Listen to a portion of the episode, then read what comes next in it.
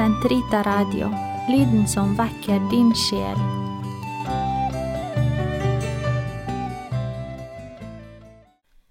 Karmels hage episode 24 Åndelig lesning 5 Jomfru Maria og den hellige Olav I dag, på denne store høytiden for den hellige Olav, Norges vernehelgen, skal jeg anbefale et lite hefte til dere. Det er Lars Roar Langslets hefte Jomfru Maria og Olav den hellige, som jeg med tillatelse fra forlaget vil lese litt fra for dere. Men hva har Olav den hellige med Karmel å gjøre? Fint lite, kunne man si. Ikke var han liten og bortgjemt i noe kloster, heller ikke skrev han vakre bøker om åndelige ting eller stiftet klostre. Ikke vet vi hva han tenkte om verken det ene eller det andre, men én ting vet vi. Han ga sitt liv for sin tro, og førte derved til troens utbredelse, ikke bare i sitt hjemland, men langt utover Norges grenser. Dette er alle kristnes dypeste kall, enten noen vet hva vi tenker eller ikke.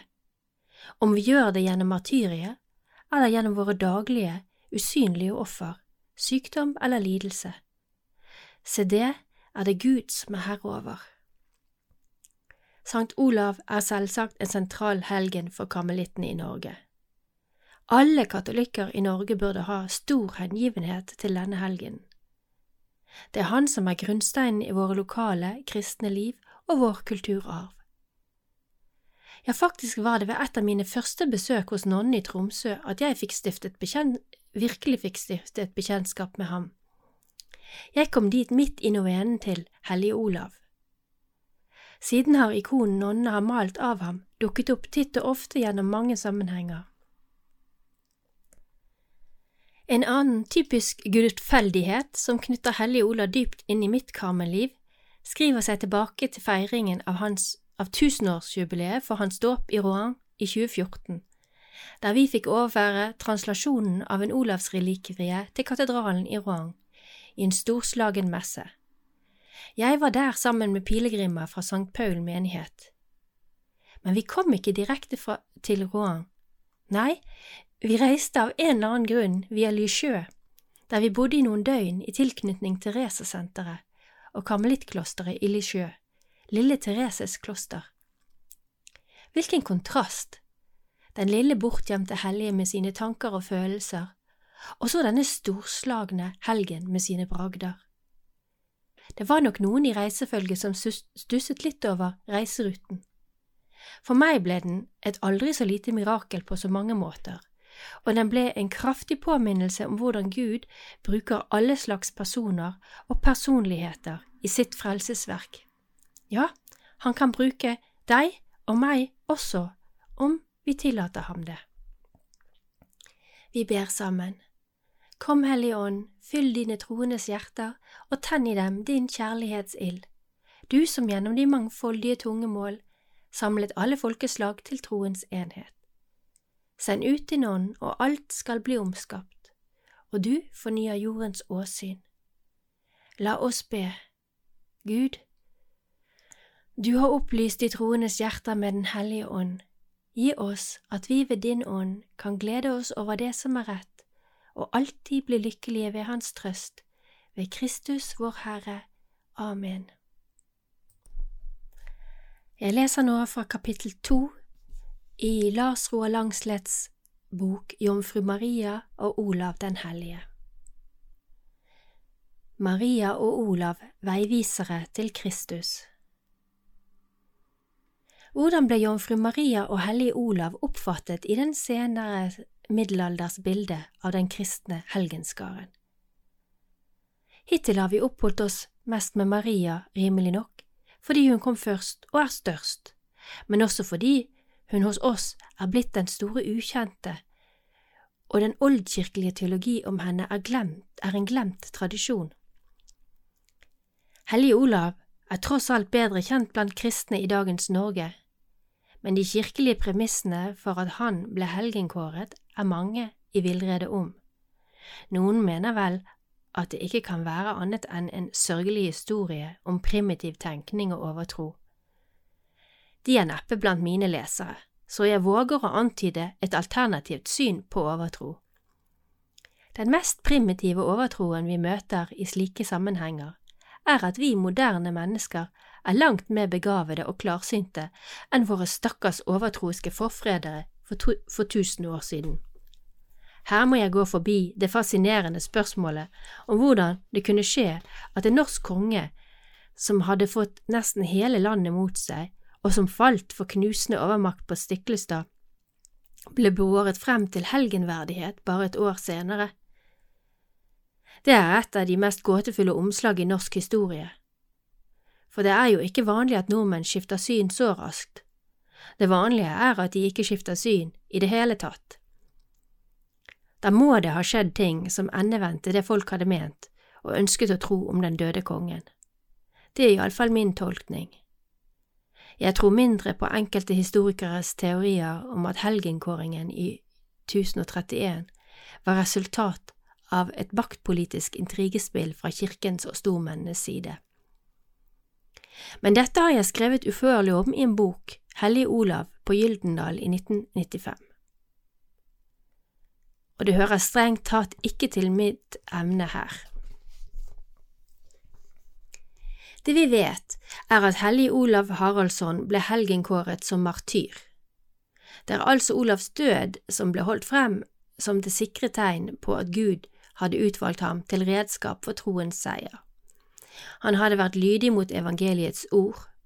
Den som vil komme etter meg, må ta sitt kors opp og følge meg. For den som søker å frelse sitt liv, han skal miste det. Mens den som setter livet til for min skyld, han skal finne det igjen. Fra de eldste tider er det denne teksten hos Matteus som er blitt lest på Olsokdagen, til påminnelse om troens tolkning av den død kong Olav fikk under korsmerket på Stiklestad. Her bør vi huske at i tidlig middelalder var den kristne død det mest opplagte tegn på helgenverdighet. Det skulle ennå gå århundrer før det kristne liv, tolket etter klosterformhetens idealer, ble selve kjennetegnet på hellighet.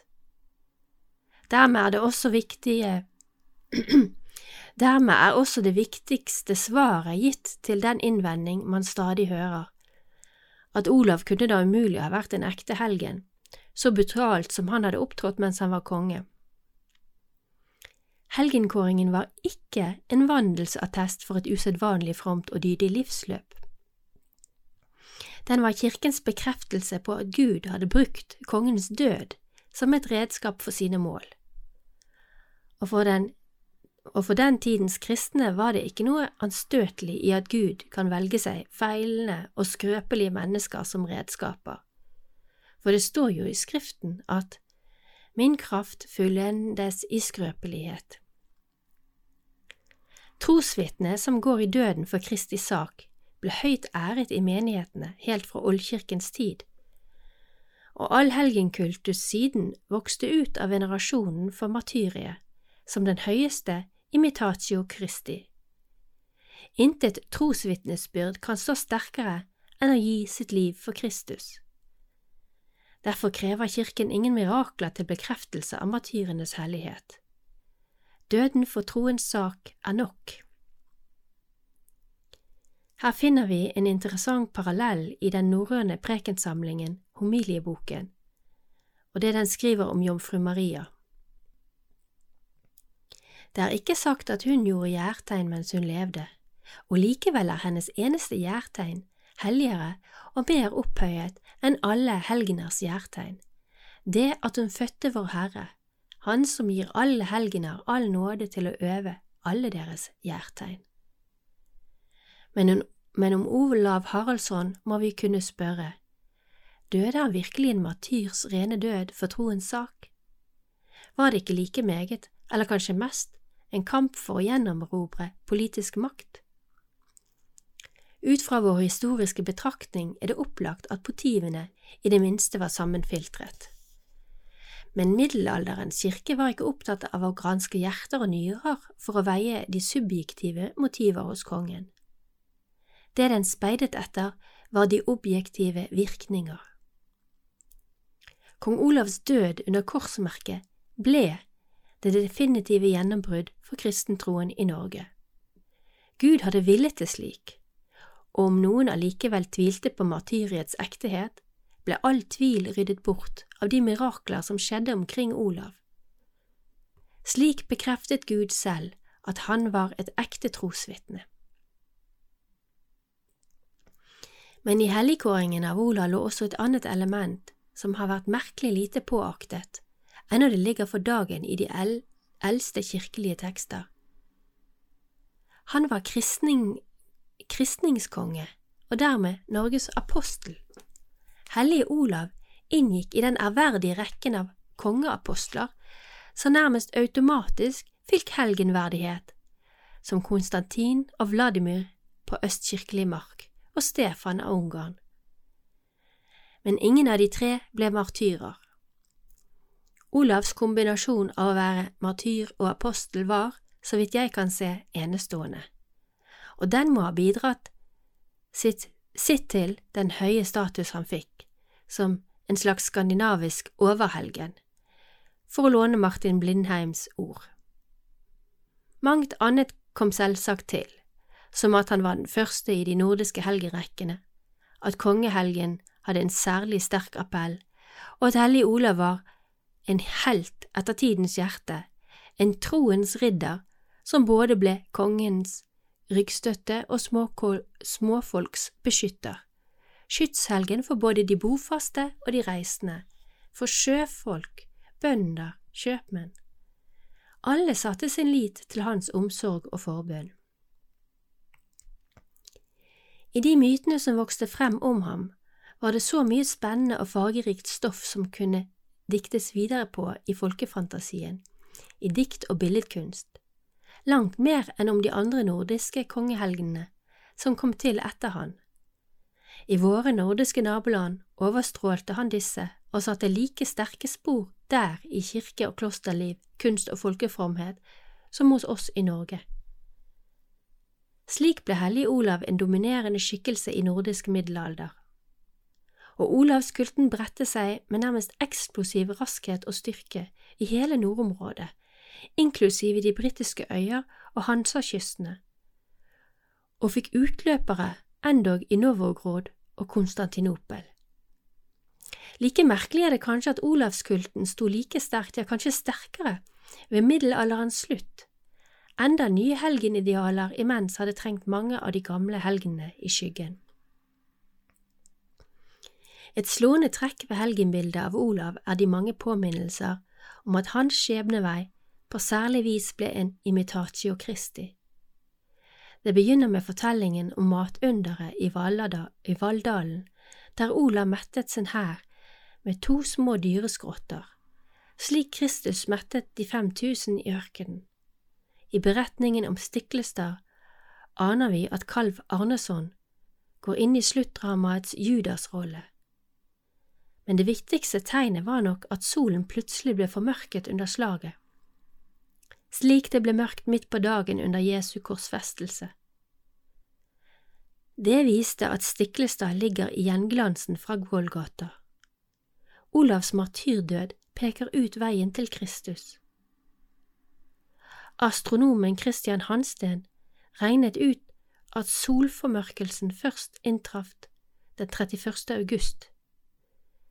Det betyr ikke at kirken bommet på dateringen da den begynte å feire Olsok 29. juli. De to hendelsene ble koblet sammen både i samtidens opplevelse av dem og i den teologiske tolkningen. Det fikk sitt arkitektoniske uttrykk i at oktogonen den åttekantede rundgangen om alteret og helgengraven i Nidarosdomen. Ifølge Anders Buggers og Martin Blindheims undersøkelser ble formet med Jesu åttekantede gravkirke i Jerusalem som forbilde. Men himmelfartskirken på Olleberget var også åttekantet og kan ha tjent som forbilde for denne symbolladede form. Oktogonen i Nidaros skulle altså tydeliggjøre at det aller helligste var fellesrom for Kristus og Olav. Parentes Blindheim.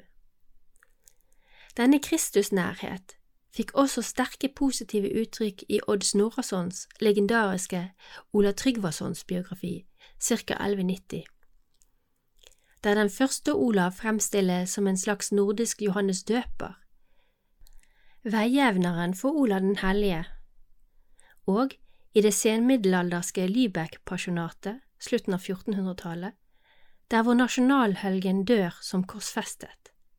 Den kristologiske tolkningen som fulgte Olav, Hel Olavs helgenhistorie fra begynnelsen av, føres her ut i det ekstreme.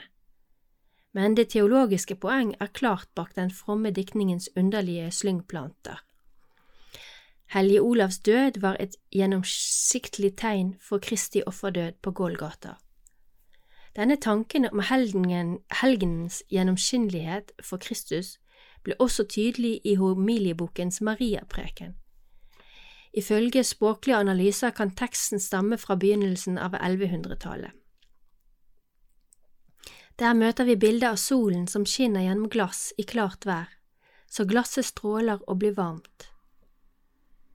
Solen er et tegn på guddommen og glasset på den hellige Maria og strålen på Herren vår Jesus Kristus. Når solen skinner på glasset, stråler den like sterkt som før, uten å tape noe av sitt lys. På samme måte var også guddommen hel og uskadd i all sin kraft i himmelen, selv om den ikledte seg menneskelig natur her på jorden. Men glasset er gjennomsiktig, slik at jeg kan se gjennom det, som om det ikke fantes noe foran solen og de andre himmellegemene. Slik kan en i Marias atferd se det himmelske liv, for hun hadde bestandig et så rent sinn vendt mot Gud at det ikke fantes kjødelig begjær i hennes legeme. Hun kjente ikke vellyst mer enn lerretet føler at det blir skåret i stykker. Derfor kunne hun passende unnfange en sønn av Den hellige ånd, fordi hennes levnet var så meget renere enn andre menneskers som glasset er renere og mer gjennomsiktig enn alt annet som er laget av mennesker. Men Herren vår hadde rett til å få sitt legeme gjennom den jomfru som var så ren, at han selv og hans mor kunne sammenlignes med solstrålen som skinner gjennom rent glass. Bildet av solen og strålen fra den møter vi i en litt annen versjon i det storslagne hyllingskvadet Geisli av Einar Skulason. Den første sammenfatning av Olavs mirakler fremført i Nidarosdomen for de tre kongebrødrene og den nyvigslede erkebiskopen i 1153. Gud er solen, solarkongen. Om sønnen heter det Soli let seg føde som ein mann på jord, ord havsens klåre stjerne. Her er Maria blitt havsens klåre stjerne, som får sitt lys fra solen. Et billedlån fra den kjente hymnen Ave Maris Stella. Men Hellige Olav er strålen, Nordens geisli, sendt or miskunns soli. Om ham gjentas det at han fær for solarkongen alt han måtte ønske. Knut Ødegårds gjendiktning. Det ville være spennende å se et dypere studium av den kristne lyssymbolikken som, disse tekst, som fyller disse tekstene, der Guds inkarnasjon i Kristus gjennom Jomfru Maria utløser bilder som også knytter inn vår egen Olav, han som ble hyllet i Olsokmessen, med den store sekvensen Lux i luxit leta bonda, det gledebringende lyset brøt frem. Interessante sammenstillinger av Maria og hellige Olav ser vi også i senmiddelalderens billedkunst. Flere alterskap i Norge og Sverige gir Olav æresplassen ved hennes side.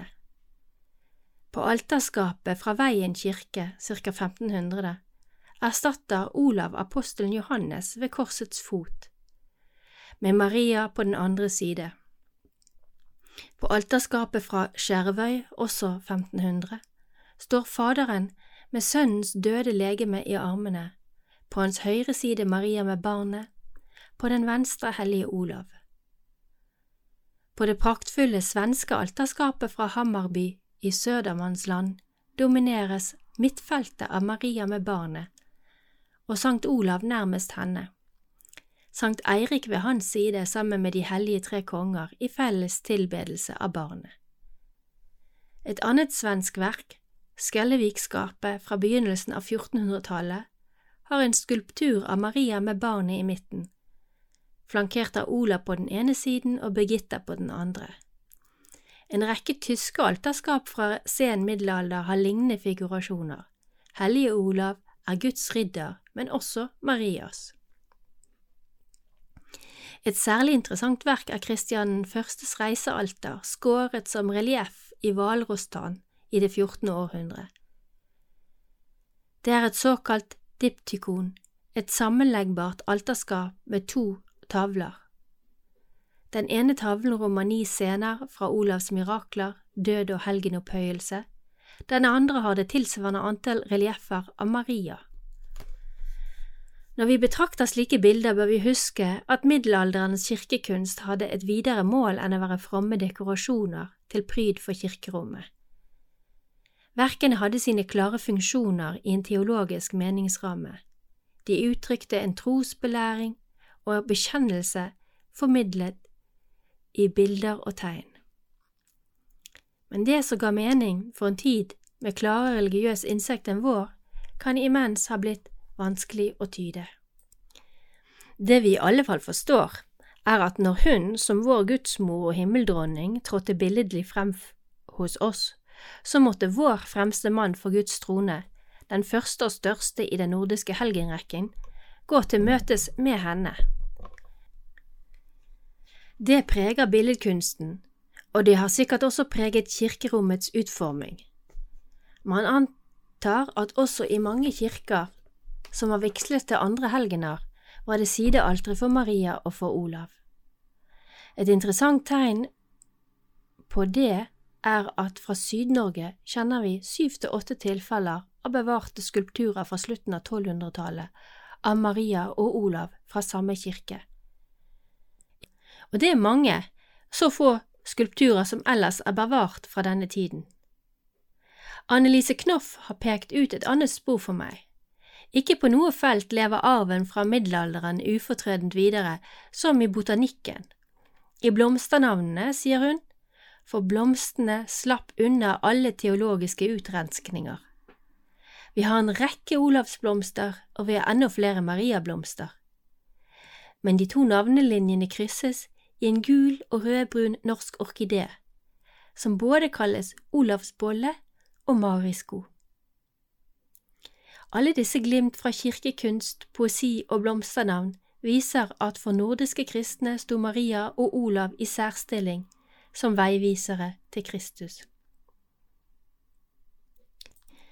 De er omgitt av lysbilder, for selv speilet de det sanne lys som kom til verden og ble gjennomskinnelige for ham som med trosbekjennelsens ord er Gud av Gud, lys av lys, sann Gud av det sann, den sanne Gud.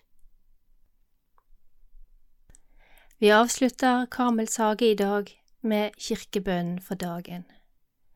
Allmektige evige Gud, du er kongenes krone og martyrenes seier.